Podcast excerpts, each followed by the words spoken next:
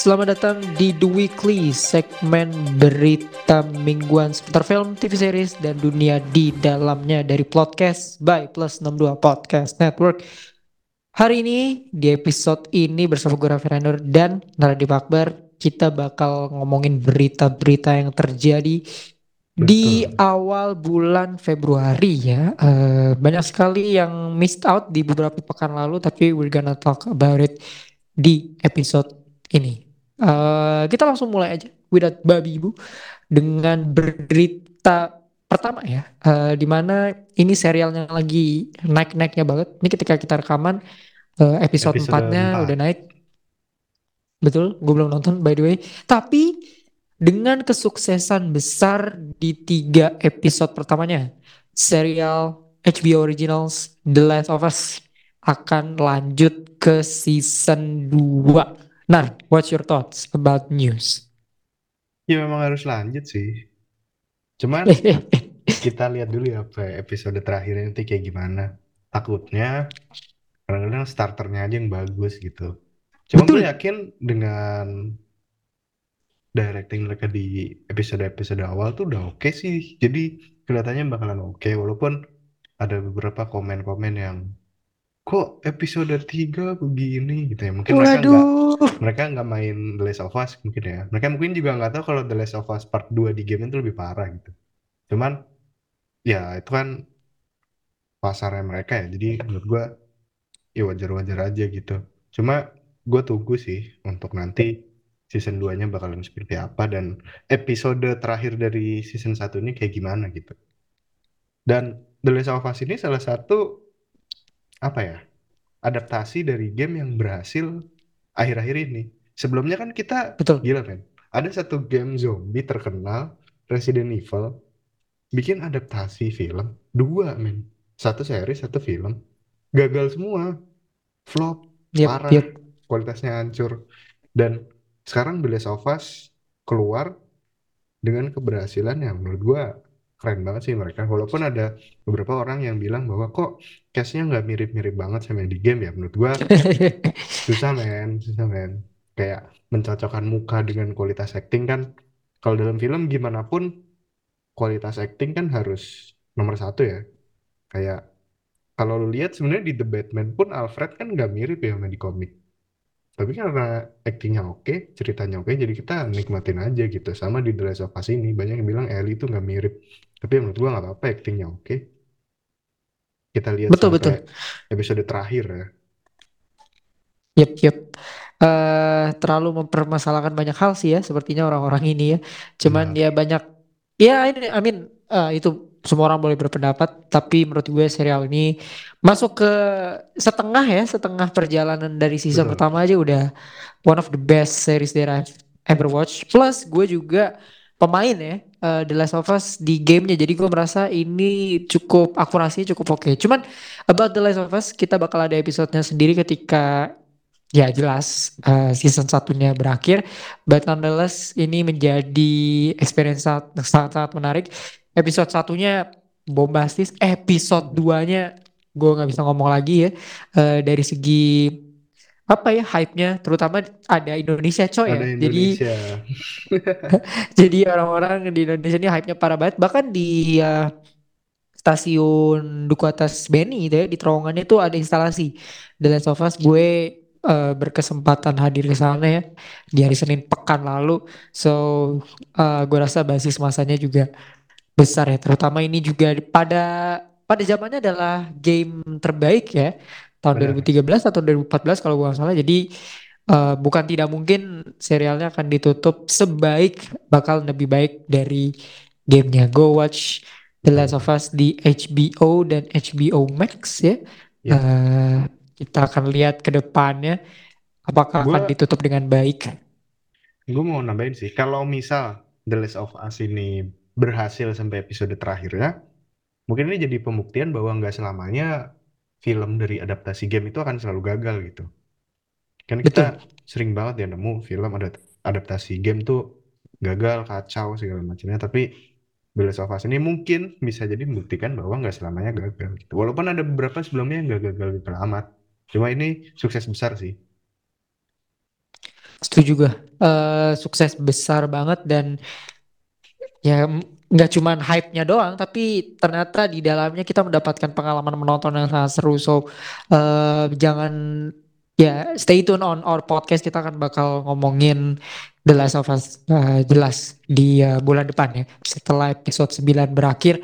Eh, selain besarnya hype The Last of Us Februari ini juga diwarnai oleh Universe Problematic yang melakukan sebuah announcement announcement besar ya di eh, awal Februari ini yaitu adalah DC Universe. Anjay.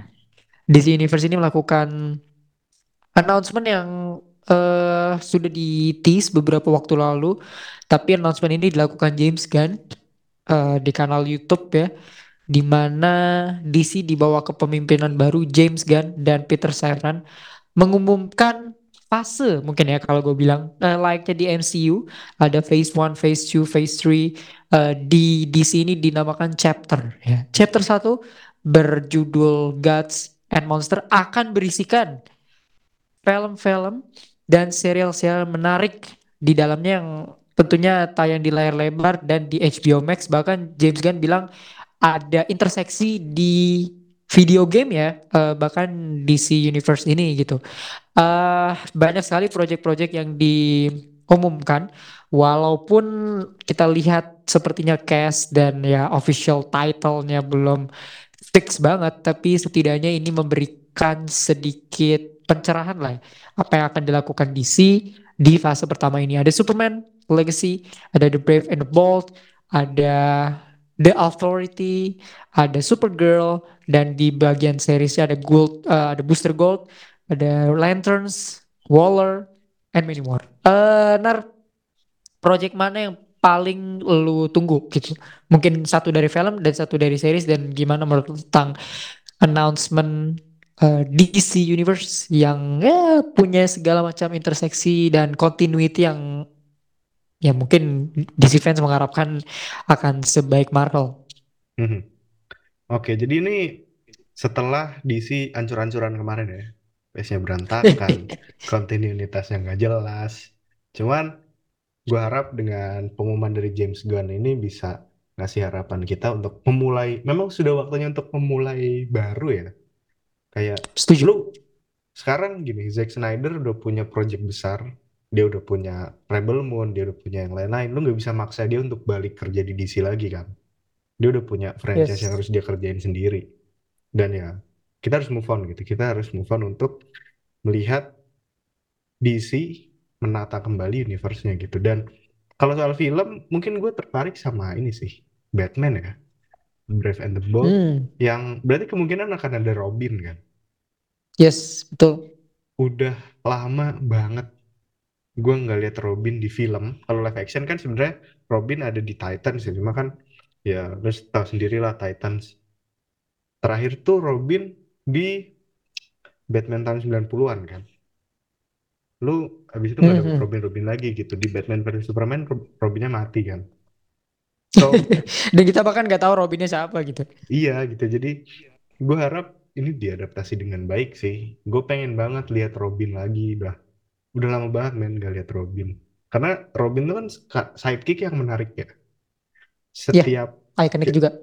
Kita punya empat Robin dan setiap Robin tuh punya ceritanya masing-masing yang menarik gitu.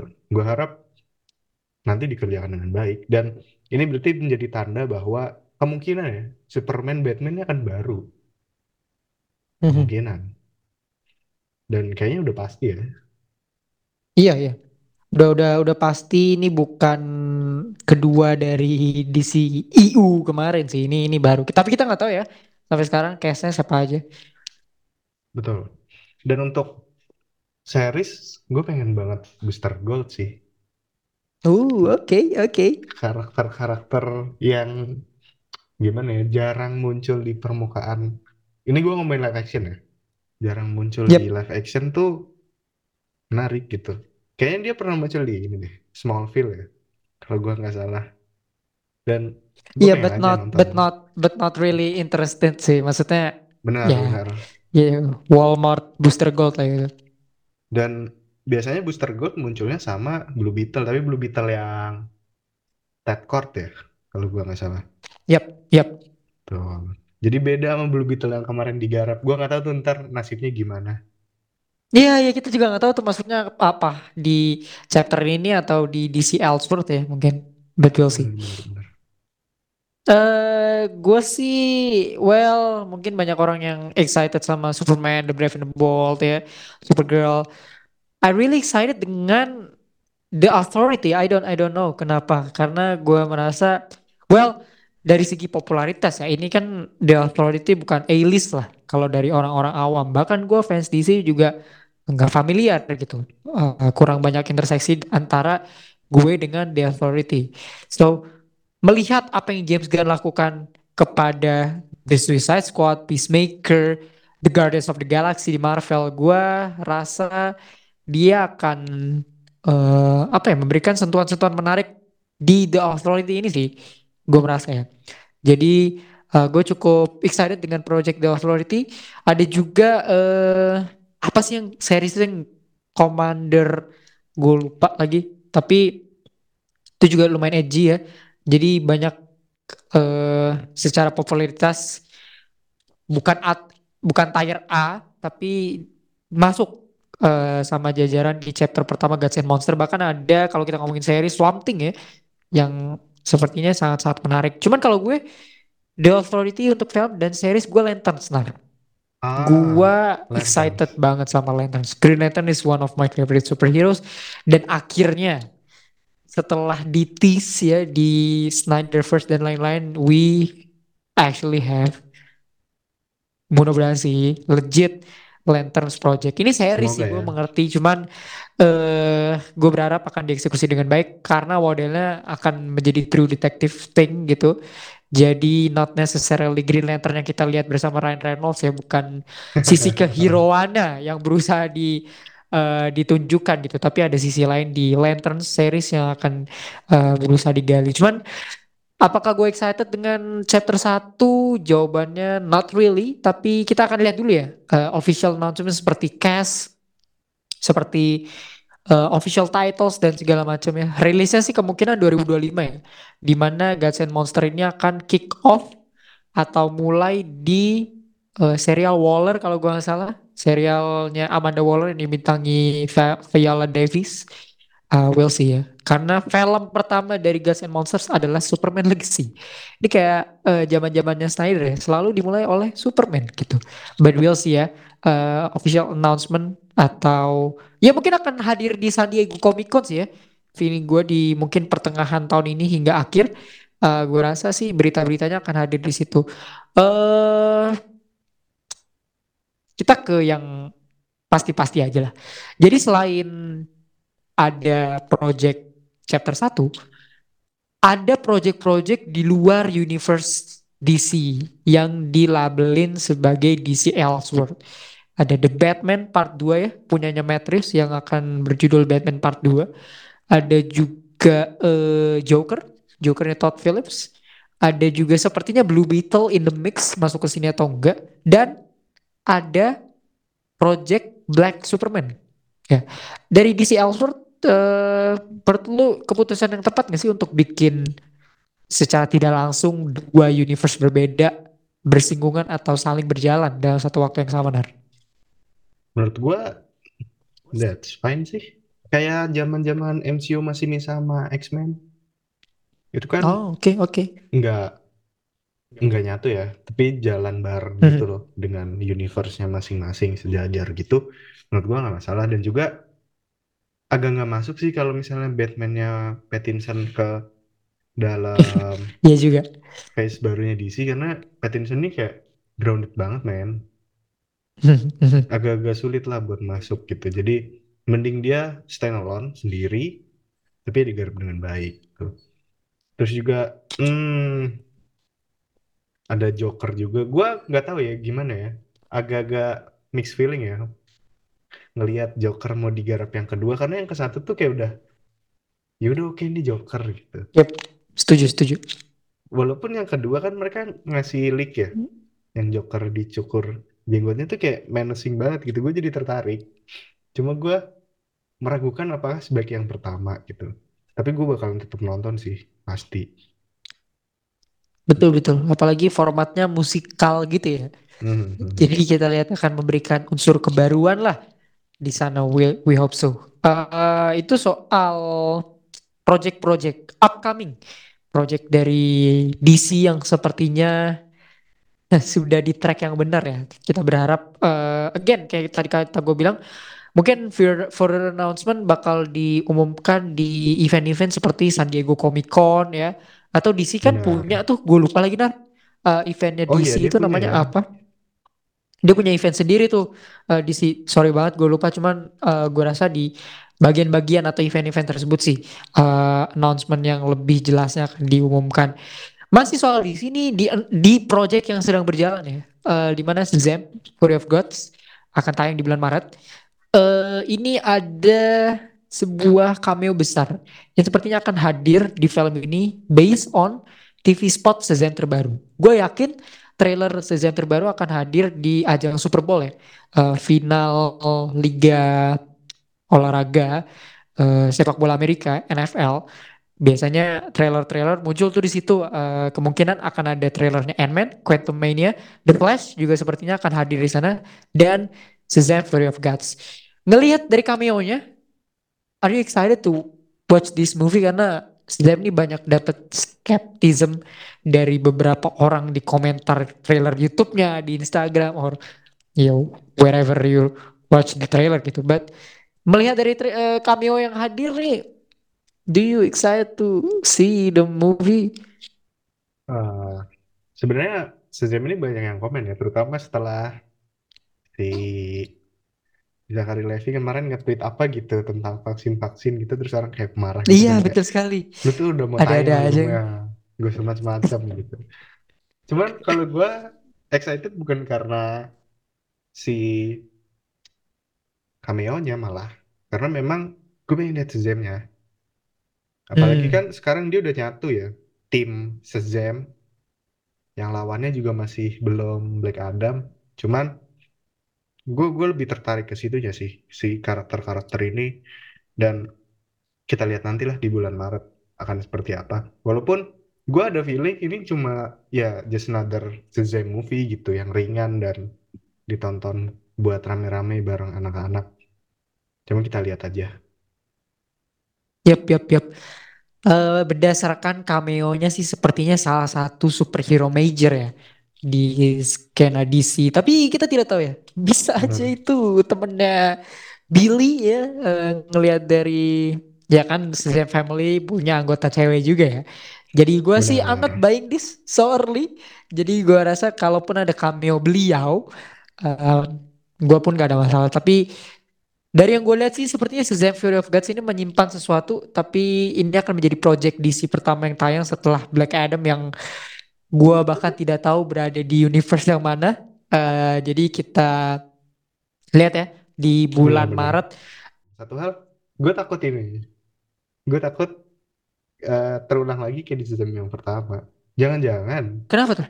cameo-nya itu nanti no face gitu kayak di kreditnya season yang pertama. Waduh, waduh, waduh.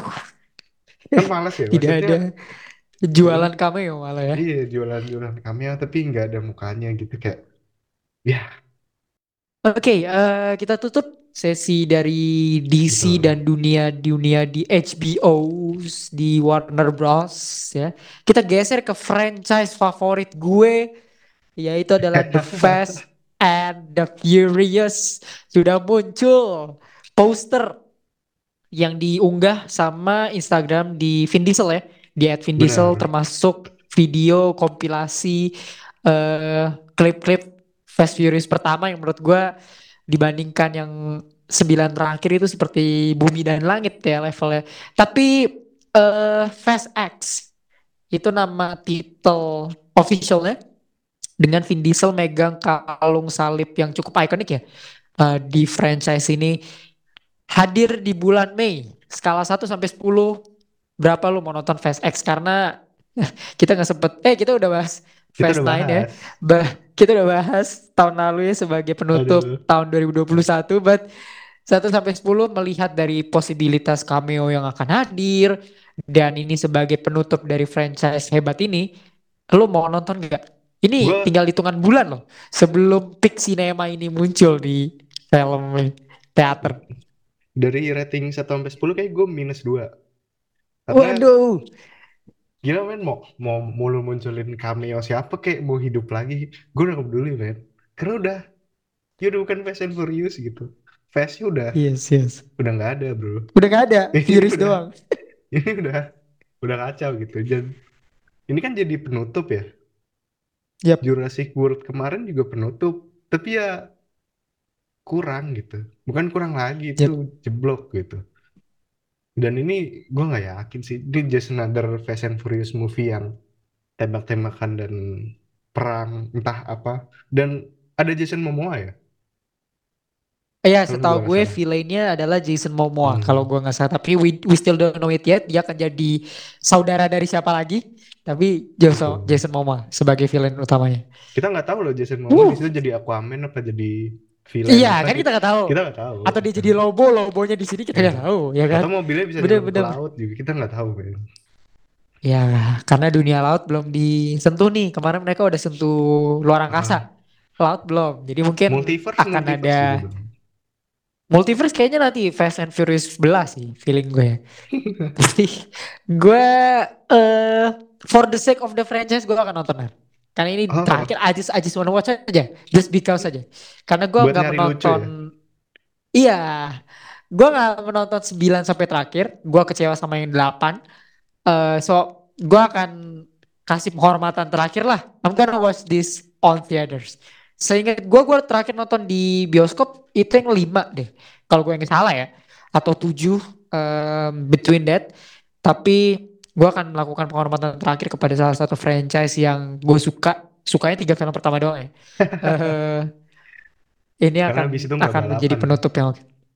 Karena habis itu nggak balapan, udah jadi agen 007 ya. Eh, tapi Bener-bener. agak-agak ke sisi-sisi selatan Amerika gitu ya. Dan Jadi ya gonna watch it, gonna watch it.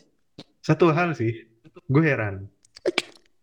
Vin Kenapa Diesel nih betah bener main di film franchise Fast and Furious gitu. Maksud gue, lo kan bisa ambil apa kayak film action lain atau apa.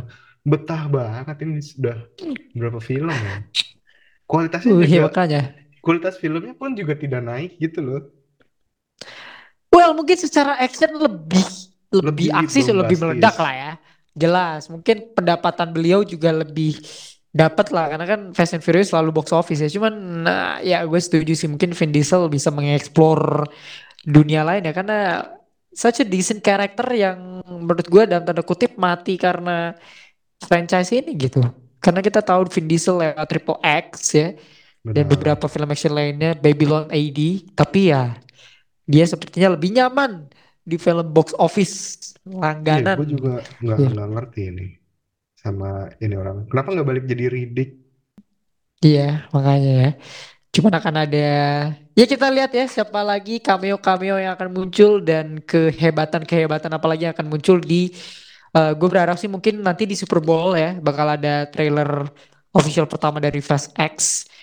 Gue akan melihat dan jelas banget minggu depan kita akan kembali untuk nge-breakdown trailer-trailer yang muncul di Super Bowl ya. But eh, kita geser dulu ke gue nggak tahu ya bisa bilang ini franchise apa enggak tapi John Wick 4 akan tayang bulan Mhm. depan. Eh, any details about this movie karena melihat dari trilogi yang cukup sukses, John Wick keempat menyajikan dan menjanjikan banyak hal yang akan dieksplor lagi nah. So, do you excited on this project?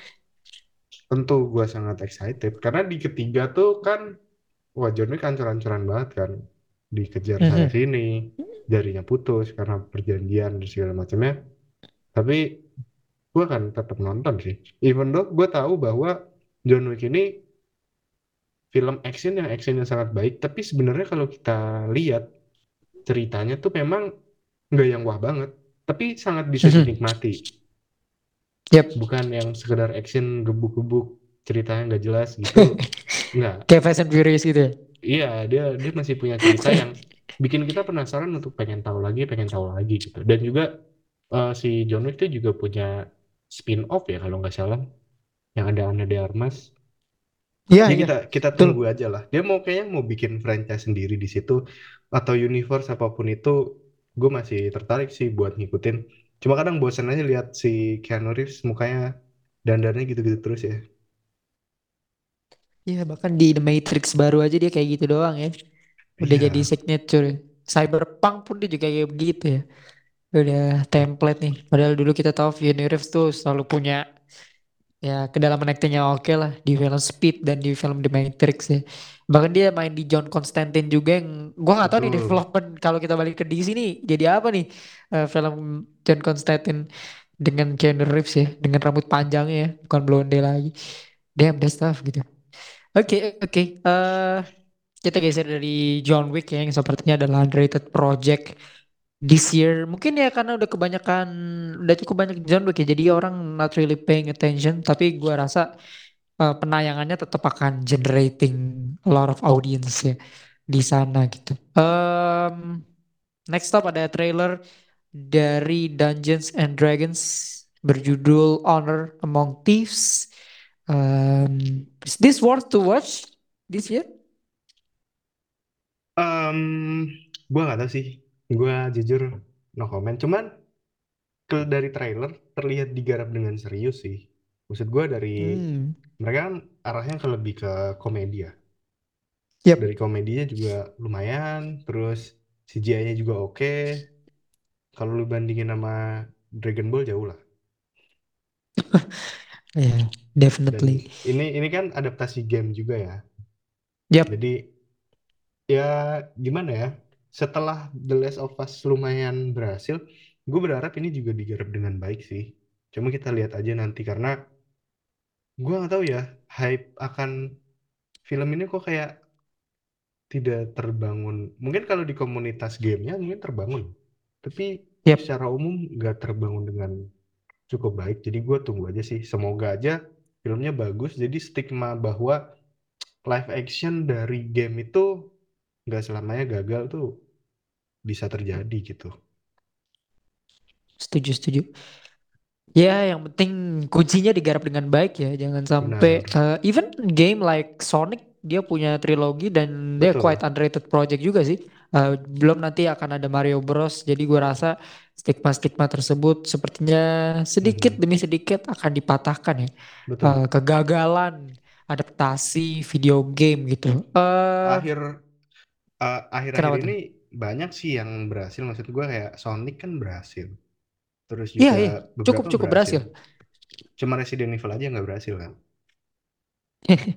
Eh, apalagi ya? Pikachu, Pikachu lumayan. quite It's, quite good, good. gue rasa ya. Quite good, quite good.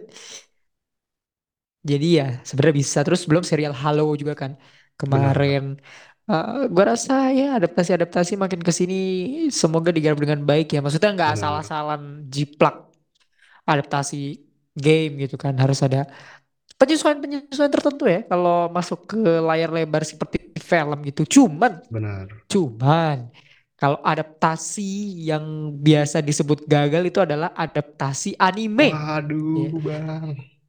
Ini ada poster perdana dari live action serial ya. Eh, live action serial One Piece di Netflix ya. Benar. Ini One Piece kan belum selesai ya eh anime realnya gitu tapi, tapi udah ada adaptasi serial dari live action One Piece yang udah ngasih poster perdana ya di mana ya semua karakternya menghadap belakang ya eh, menghadap kapal ikoniknya mereka gue lupa lagi namanya apa Sunset gitu ya. Eh, sunset gitu dengan Luffy yang ngangkat tangan eh, kirinya gitu. Eh kita nggak usah ngomongin project ini tapi kita ngomongin posternya aja. Karena gue merasa this is a very good poster. Yap, ya untuk benar. untuk untuk project yang banyak dapet komentar miring ya sebelum perilisannya. But this is a very beautiful cover ya gue rasa. I don't know what about you Gimana ya ngejelasinnya? Sebenarnya posternya bagus sih, walaupun di situ kayaknya si Luffy itu pakai sneakers ya. Kalau gua nggak salah lihat. gue gak perhatiin lagi coba gue lihat dulu gue nggak begitu Kayaknya merhatiin ya. gue nggak begitu merhatiin jujur Kayaknya kalau salah ya tolong dikoreksi. Hmm, game karena ini Netflix man. kayak lu lu tahu kan Netflix tuh punya apa ya stigma buruk akan live action buatan mereka gitu. Jadi kita lihat aja sih nanti. Yang penting minimal nggak sejelek Death Note dulu sih. Menurut gue itu. Karena gila men Death Note Atau kan Cowboy Bebop ya? iya Cowboy Bebop juga. Mereka tuh udah gue ngerti. Kena- Netflix tuh kan udah gagal tuh. Death Note Cowboy Bebop. Tapi nggak kapok-kapok men. Jadi kita lihat apakah dia bisa membuat One Piece ini. Karena jujur sebenarnya mengadaptasi sebuah anime itu bukan hal yang mudah ya. Kayak gue nonton Comic Can Communicate tuh kalau misalnya dibikin live action tuh menurut gue pasti bakalan cringe gitu. Ekspresi-ekspresi Hmm, lucu di hmm. animenya kan nggak bisa lu taruh itu di live action gitu. Dan One Piece juga gue nggak tahu nanti kayak gimana. Dan gue ini sih mempertanyakan soal nanti battle scene battle mereka gitu. Karena kan kalau di anime tuh kacau kan maksudnya lu bisa ledak-ledakan lah. Lu bisa Iya, bikin destruktif banget, betul. adegan sesuka hati lu gitu. Masukin dinosaurus di Boruto gitu. Jadi jadi lu gua gak tahu karena live action tuh terbata banyak keterbatasan gitu. Mulai dari segi budget teknologi dan segala macam. Jadi kita lihat aja sih kayak gimana. Dan juga kalau nggak salah si penulis mangganya si One Piece tuh juga dia mau untuk ikut apa ya mengolah film ini gitu kayak memberi masukan dan lain-lain jadi kita lihat aja sih apakah akan berhasil karena entah kenapa kan pemainnya orang barat ya mostly Betul sekali. ada hal lucu di mana kadang-kadang ketika gue melihat anime yang diperankan oleh orang-orang barat tuh kayak nggak dapet aja gitu loh Setuju, setuju. jadi ya semoga tidak gagal sih karena kalau sampai gagal menurut gue ini emang udah udah Harus pertandanya Netflix harus harus stop sih. sih harus stop man. Harus stop sih kadang Netflix. memang Real, ada sesuatu yang lu harus perjuangin terus ada beberapa yang emang lu harus lepas gitu udah ini, ini itu udah bukan jalan lu gitu aneh bener. gitu kalau lu maksa tuh aneh Betul, betul. Aduh. Tahun ini ya, tayang serial ini. betul Gua nggak tahu mungkin kalau 2023 gagal, gua nggak tahu ya Netflix akan berusaha ngambil live action apa lagi ya. Entah Blue Lock, entah eh, Naruto ya, entah apa pun yang mereka bisa adaptasi kayaknya mereka kalau gagal mereka akan berusaha terus dan menerus ya. Netflix kan kayak gitu ya. Mhm. Eh, mereka pantang menyerah untuk eh, adaptasi-adaptasi jelek ya. Jadi kalau One Piece tuh di skena anime ya itu gede ya. itu gede banget jadi gede banget gede banget gitu. Jadi kayak if this fails, kayak ini Netflix akan ini jadi bahan dihujat seumur habis-habisan. hidup sih kalau sampai ini fail Real, real. Ya maksud gue kayak sekelas Death Note gitu ya. Yang punya pasar sendiri tuh udah udah jadi bulan-bulanan. Apalagi ya, wa- man, come on, who doesn't know One Piece gitu. Bahkan Hmm, casual enjoyer aja pasti tahu One Piece itu kayak apa gitu. Jadi if this one fails, ya GWS Netflix. Karena mereka baru bikin kebijakan baru juga yaitu adalah eh, uji coba ya. Yang betul mungkin akan diterapkan lebih lanjut lagi tentang eh, penghilangan sistem sharing password gitu. Yang udah jadi apa ya semacam ciri khas ya ciri khas di Netflix gitu ya. Yaitu sharing password ini eh, di beberapa negara. Gue gak tahu apakah di Indonesia akan di-play juga biasanya ini start dari negara-negara besar dulu. Contohnya US, eh, Inggris dan segala macam. Eh, fitur ini akan coba dihilangkan di beberapa negara. Nah, sebagai pengguna Netflix, nah, menurut lo ini akan berdampak nggak ke angka penurunan pengguna Netflix gitu? Sebesar apa sih menurut lo penghilangan fitur sharing password ini sebagai pengguna Netflix ya? oke ini menurut gue ya, sudut pandang gue sebagai Iya, penikmat sudut film pandang lo di sebagai pengguna Netflix. negara berkembang yang melangganan Netflix tuh lumayan bro. Bisa buat makan dua tiga hari gitu. Jadi kalau sampai ini dilakuin mungkin ada kalanya gue akan berhenti langganan Netflix sampai ada sesuatu yang pengen banget gue tonton gitu. Karena kan kalau sekarang ada apa baru gue tonton apa baru gue tonton gitu. Dan ketika sharing password ini dihilangin otomatis mungkin bisa jadi harganya kurang lah harganya nggak nggak masuk Yes. di kita takutnya. Ada juga yang bilang bahwa Netflix akan nurunin harga tapi nanti ada iklan. Males. Bikin nonton YouTube kalau kayak gitu kan. Terus juga Netflix ini nggak apa ya, nggak muasabah diri gitu. Mereka nggak sadar diri bahwa saingan mereka nih banyak dan lagi pada bagus-bagus.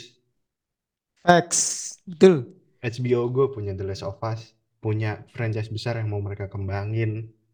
Amazon Prime punya The Boys, punya Invincible, bahkan dia ngambil Lord of the Rings.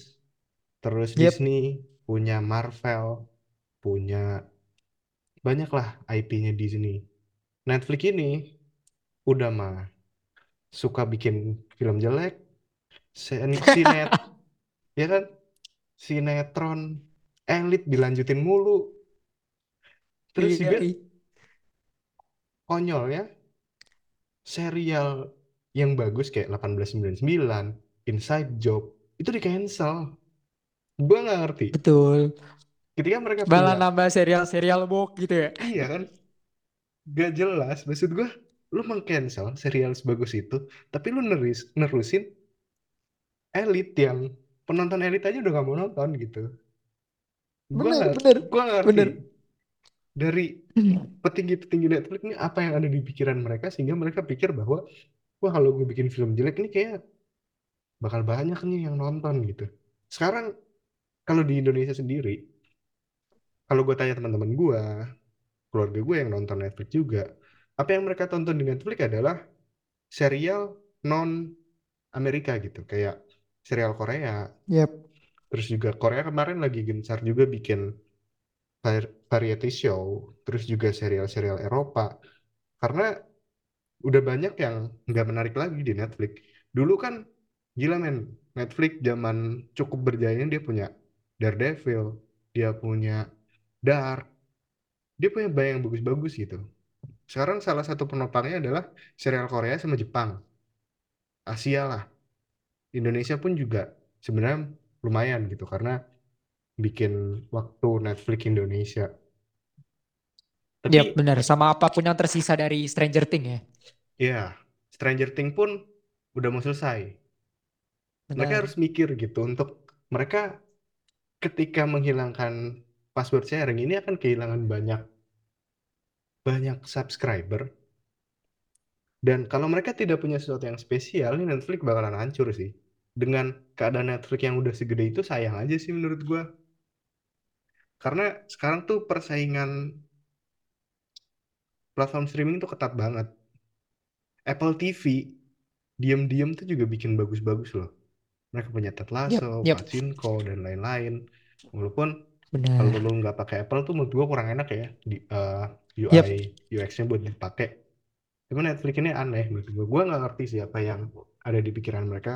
Gua harap mungkin kan ini baru akan dilaksanakan di beberapa negara ya. Harap Yep. beberapa negara itu bikin mereka terbuka gitu bahwa oh gua akan kehilangan banyak subscriber, gua akan kehilangan banyak orang yang langganan di tempat gua ketika gua pakai kebijakan ini gitu. Jadi gua harap itu membukakan mata mereka dan sadarlah kalau elit tuh nggak perlu dilanjutin gitu.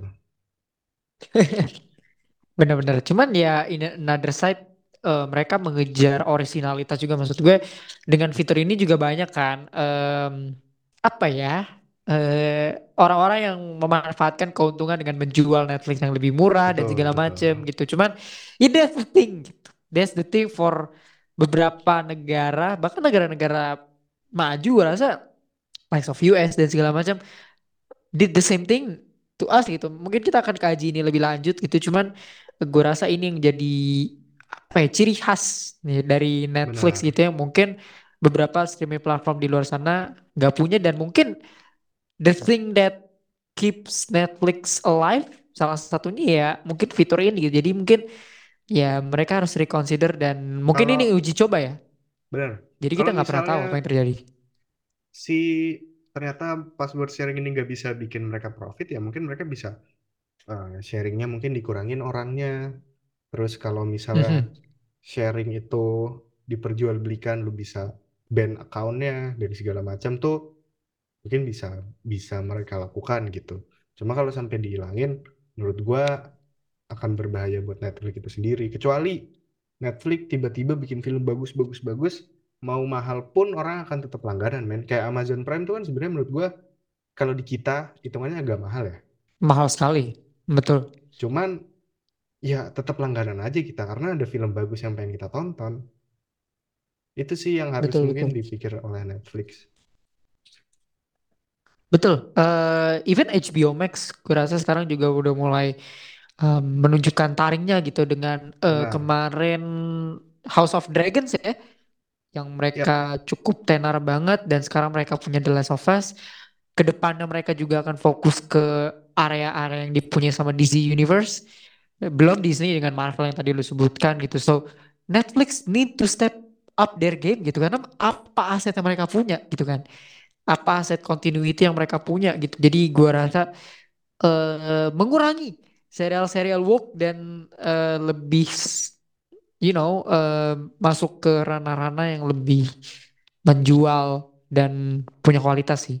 Gue rasa Netflix sekarang lebih mementingkan kuantitas ya, bikin serial banyak tapi lebih banyak serial yang woke dan jelek gitu dibandingkan serial-serial berkualitas macam Breaking Bad. Dulu kan di Netflix kalau gue salah punya Mhm. jayaannya Netflix gitu. Terus eh apa lagi nar? Black Mirror Dark, itu juga Black Mirror, Dark. Netflix ya kan? Those Days gitu, di mana mereka punya kualitas itu. Eh Money Heist, eh, those things maksud gue yang generating banyak audiens dan bisa bikin meledak gitu. Why not to Mungkin take it gitu? mungkin juga ini sih Netflix perlu bikin IP sendiri karena kan sebenarnya Netflix bikin bagus banget Daredevil, ya kan? Cuman Mhm, itu kan punya Marvel, habis itu di take over kan.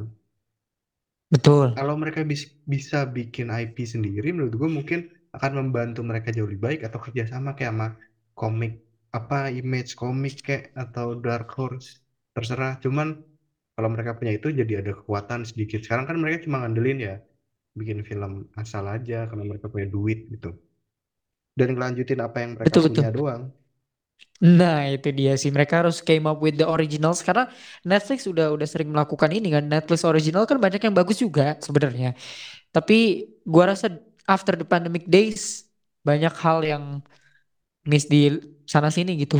Jadi eh, Netflix needs to step up their game eh, in order untuk tidak di bank up sama kompetitor-kompetitor mereka di kiri kanan depan belakang atas bawah gitu kan. Ya, we'll see, we'll see. Eh, apakah uji coba ini akan worth it atau tidak untuk Netflix dari segi revenue ya? Karena mereka kan harus hidup ya. Eh, in order untuk hidup mereka butuh audiens juga di luar sana dengan well mungkin penyesuaian-penyesuaian seperti iklan yang akan bikin mereka seperti YouTube versi license ya. Em, mungkin itu dari The Weekly kita akan menutup dengan movie recommendation. Ini ada dua, ya, eh, dua dari ibu ko eh, dari tanah air ya.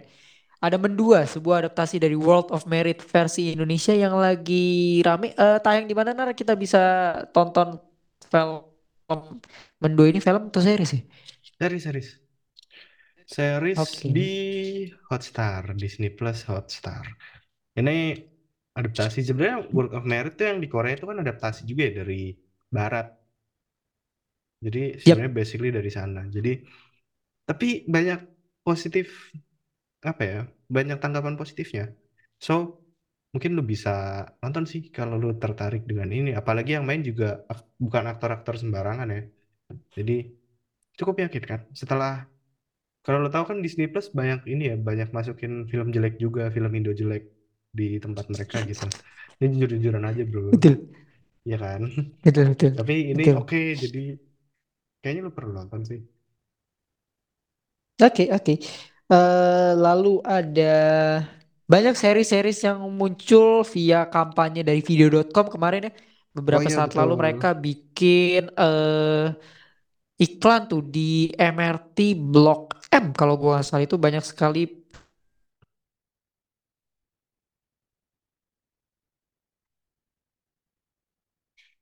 sensasi-sensasi yang berusaha diambil sama video ya. Eh, termasuk salah satu serial Open BO yang dimainkan sama Wulan Guritno dan Wingky Wiryawan dan yang lumayan dapat banyak reception buruk dan baik ya. Dan gue rasa itu yang berusaha dikejar video gitu supaya orang mau untuk menonton serial-serial berbau seksual yang mereka kasih ya di platformnya atau serial-serial anak sekolah yang juga tayang di Oh, video. iya. Tapi ya Netflix kalau lu mau nonton silakan ya.